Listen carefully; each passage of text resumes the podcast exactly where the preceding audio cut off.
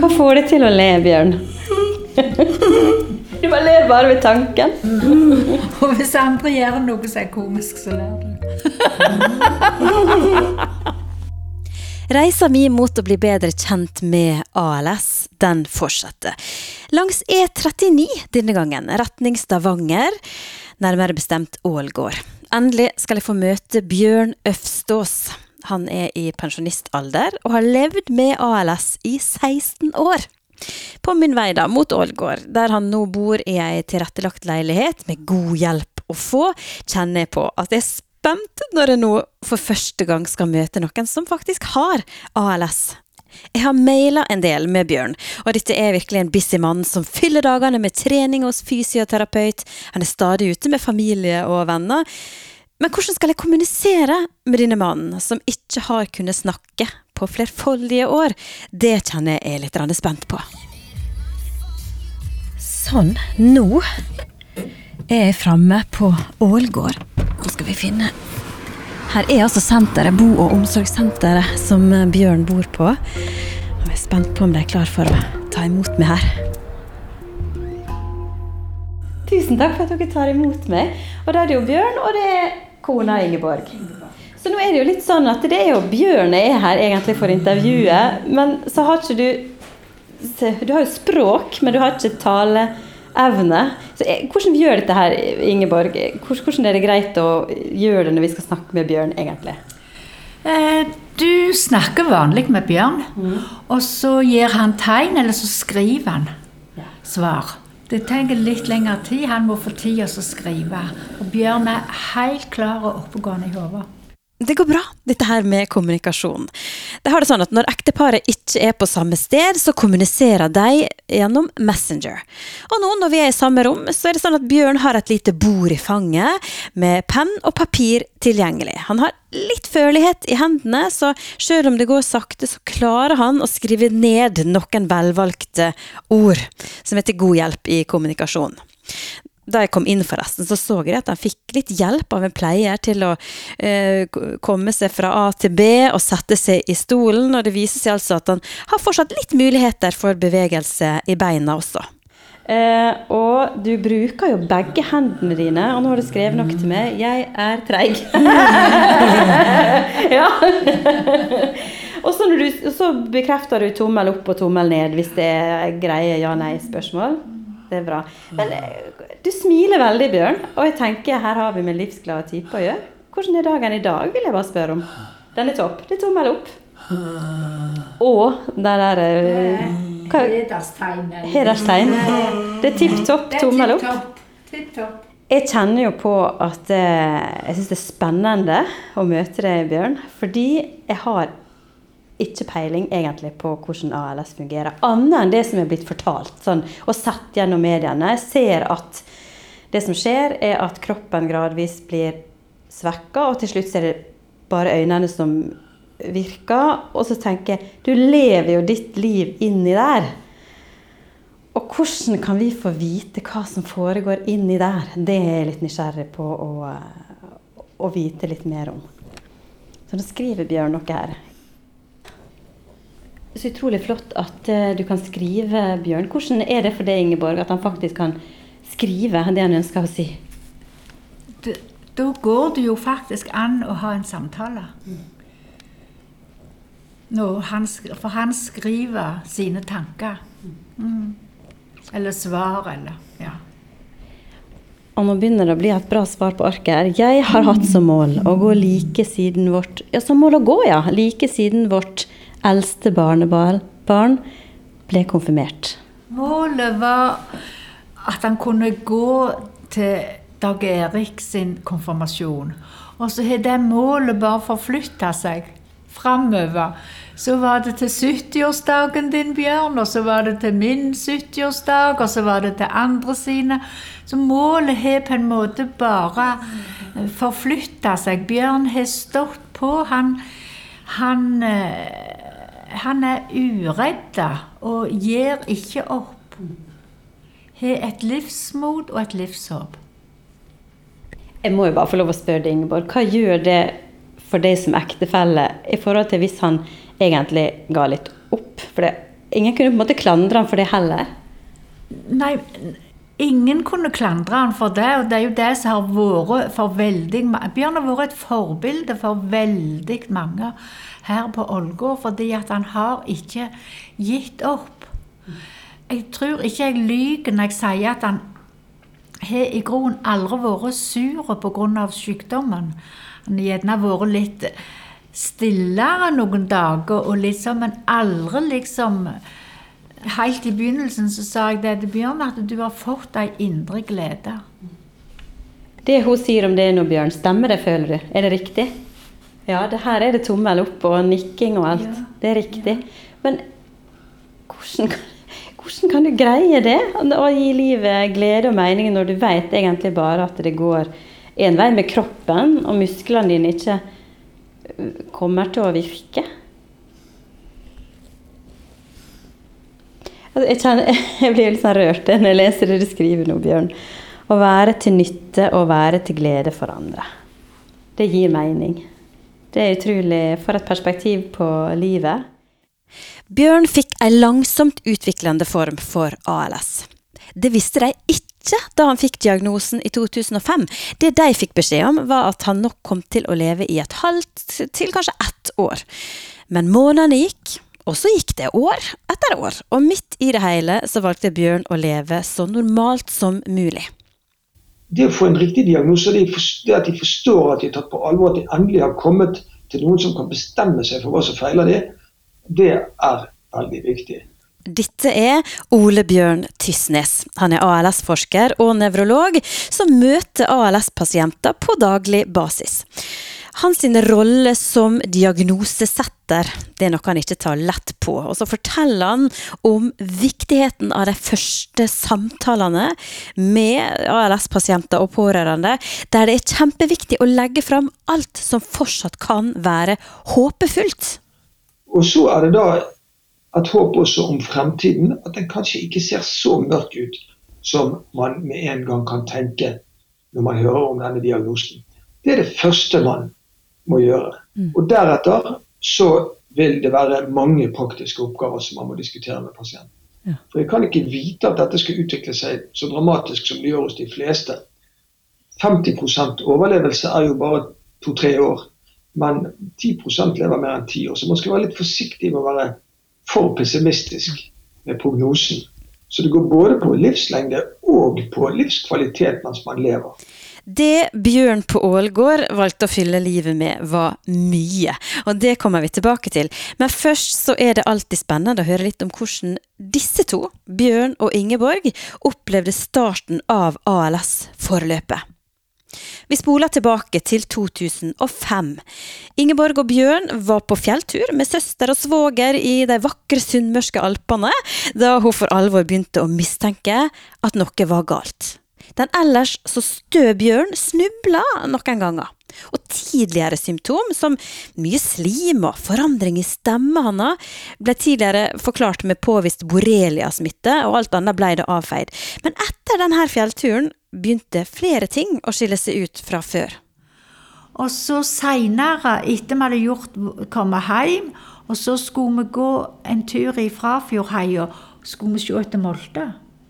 Og så sa jeg til Bjørn da at Bjørn, det er noe som er helt gale. For, jeg, for vi går jo i lag.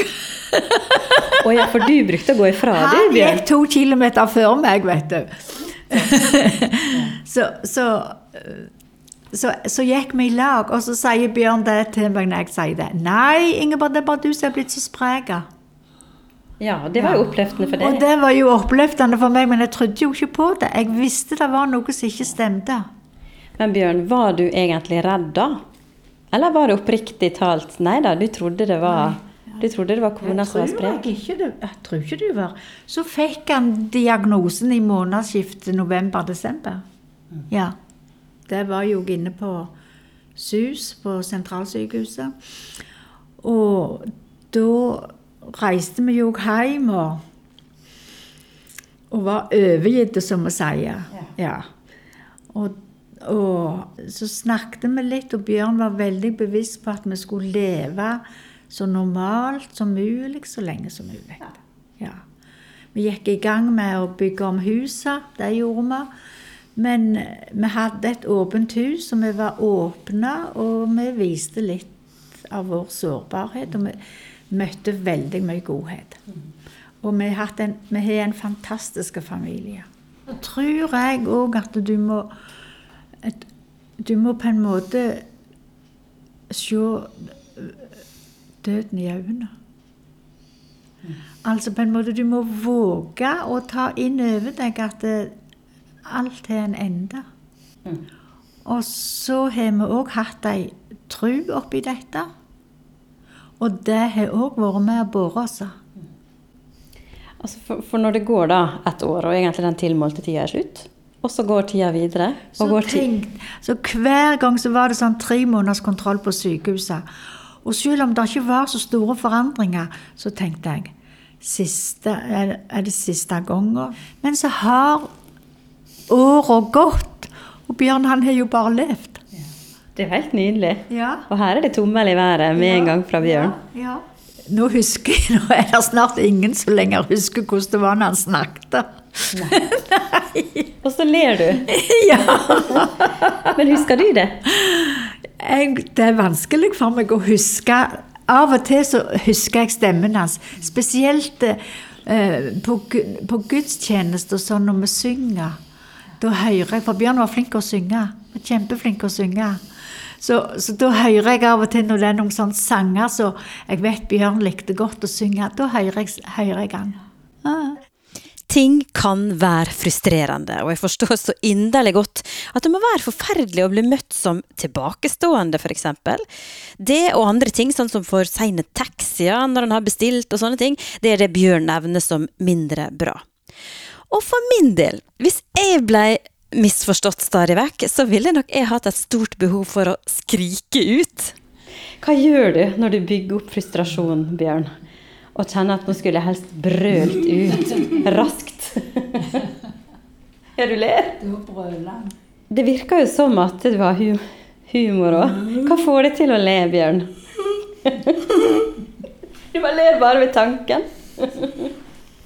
Nå skriver Bjørn at av og til så ler han av seg sjøl. Når føttene ikke vil. Og hvis andre gjør noe som er komisk, så ler du. Bjørn er mye humor. Nå er vi inne på et viktig tema. Selvironi, kanskje, og selvhøytidelighet. Jeg har jo inntrykk av at det er kanskje en liten nøkkel for å ha det godt. Ja. Nå nikker Bjørn godt her. Ja. Da føler du da, Bjørn, med dine 78 år, 16 av dem med ALS, at du har levd et fullverdig liv? Ja, det er tommel opp med en gang. For du har, du har fylt livet ditt da med masse prosjekt. Og her er jo jeg helt sånn overvelda. Eh, kanskje dere viser meg disse her bøkene? Altså, Ingeborg, jeg tror du må ta imot to tjukke praktbøker eh, om dyreliv. Fugler for folk flest, og den andre heter Fauna for folk flest. Det her har du skrevet, Bjørn, mens du har vært syk med ALS. Altså, Bjørn har skrevet disse to bøkene. Det var viktig for Bjørn å ikke fokusere på sykdommen. Og det som han skrev til meg når han holdt på med disse bøkene, det var at når han holdt på med de bøkene, så glemte han hvor syk han var. Du må ta meg hvis jeg lyver. Elevene som han har hatt på skolen vet du, i naturfag, når, de, når denne boka kom, så sa de det er akkurat som, akkurat som vi sitter bak kateter og hører Bjørn undervise. Men, men nå må du gjerne skrive noen ord på hvorfor det har vært så viktig for deg å produsere ting mens sykdommen har eh, langsomt eh, gått fremover. Det har alltid vært viktig for meg å gjøre noe for andre.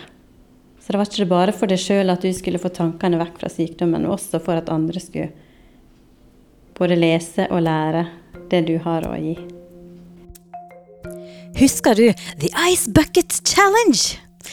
I 2016 så var det en trend som tok helt av på YouTube. Kjente og ukjente mennesker kasta ei bøtte isvann over seg, og det var vel egentlig det. Men det hadde noe mer for seg også. Dette ble gjort for å rette fokus mot ALS. Målet var å samle inn penger til forskning på ALS. Og på bare et par uker det året så ble over 140 millioner kroner donert på denne måten her. Og slik fortsatte det jo. Det var en amerikaner ved navn Chris Kennedy som starta isbøtteutfordringa. Han ville støtte ei slektning som lei av sykdommen. Og videre tok trenden av og spredde seg til både superstjerne og mannen i gata. Jeg tror kanskje vi må snakke litt om eh, data. Hvor glad er du i datamaskinen din, Bjørn? Det har jeg inntrykk av at det er litt viktig.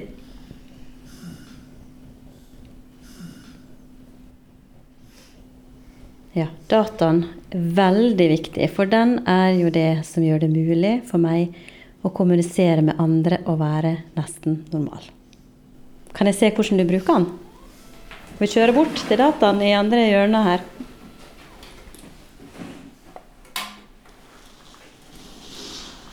Så nå rigger vi oss her borte med datamaskinen, og du Ingeborg sitter i andre enden av rommet. Er det sånn det bruker å være når en holder på med dataen, eller? Ja, så jeg sitter gjerne med et håndarbeid eller strikker litt og sitter, og så om kvelden kan vi se litt fjernsyn i lag. Her har du to gode skjermer. Store, gode skjermer. Og du er i ferd med å skrive en artikkel til eh, lokalavisa om vendehals. Ja, for du er glad i fugler. Naturfaglæreren er glad i fuglelivet. Og dette er overskrift 'Merkelig hakkespett'. Hva mer er det du kan vise at du holder på med? Så får du forklare, Ingeborg. Han er jo på Facebook. Og da er han jo i kontakt med mange. Ja. Og skriver og svarer og For da kan jo du snakke Ja. med folk som Da alle han- andre. Da er han vanlig. Så sender de bilder, legger de ut bilder, og så er ei som heter Astrid Margaret, som har besøk på terrassen, og så har hun sendt bilde til Bjørn. Ja. og så skriver Bjørn, så sender han tilbake hva det er. Ja. Så på den måten så er han i lag med ganske mye folk. Se her. Er dette dere to? ja. Å, så fine. Vi treftes på Valdres folkehøgskole. Ja. Så ble det en Toten-gutt på det. Sa det pang, Bjørn? Ja, det sa pang. ja, det er det primategnet kom fram. Så ble det mannen i mitt liv. Ja. Ja da. Og det sier du fortsatt? Ja, gjør det. Gjør det. Selv om ting er blitt som de er blitt, så så er det Bjørn inni her, altså. Det oser ekte kjærlighet i den lille leiligheta på Ålgård.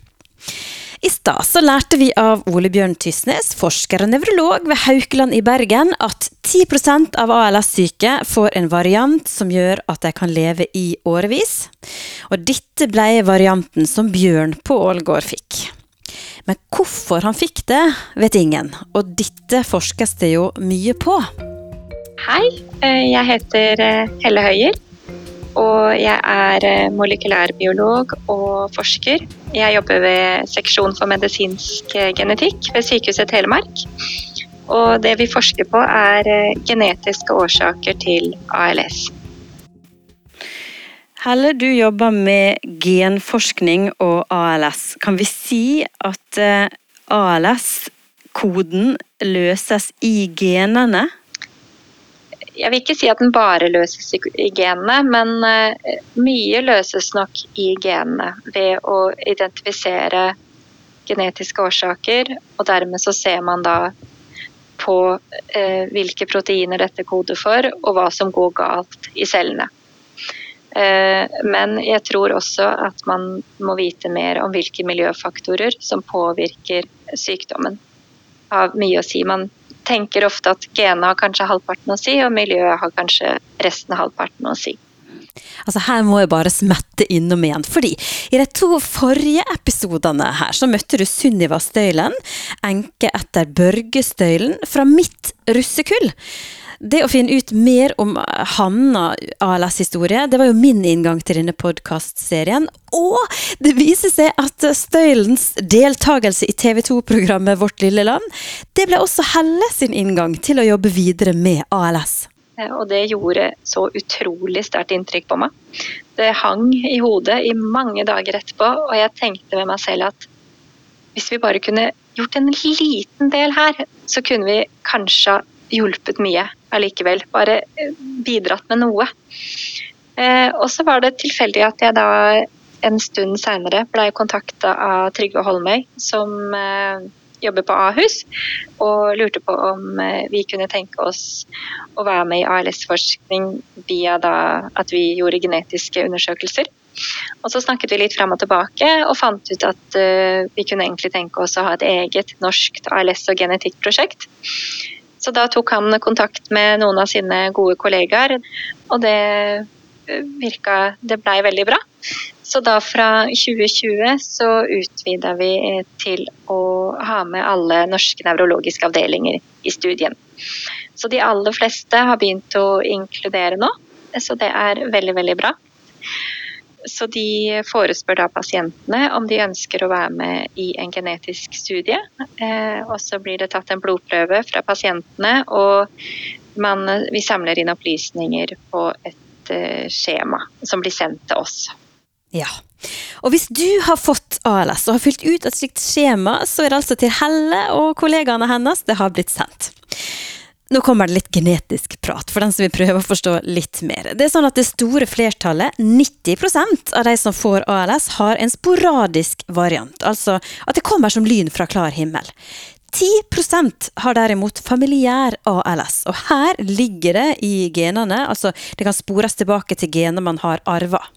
Mye av det vi ser på nå, er jo de familiene som har en eh, sterk eh, familiær disposisjon for ALS, hvor det har vært flere affiserte i samme familie, og hvor de på en måte har rapportert det på spørreskjema som vi har.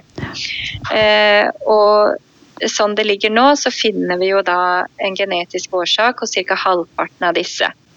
Jeg er jo veldig spent på om vi kan klare å finne noe hos de eh, familiene der vi ikke finner noe foreløpig om på en måte vi kan klare å identifisere et gen som er kanskje mer relevant i den norske befolkningen, og som ikke på en måte har vært publisert tidligere. Da.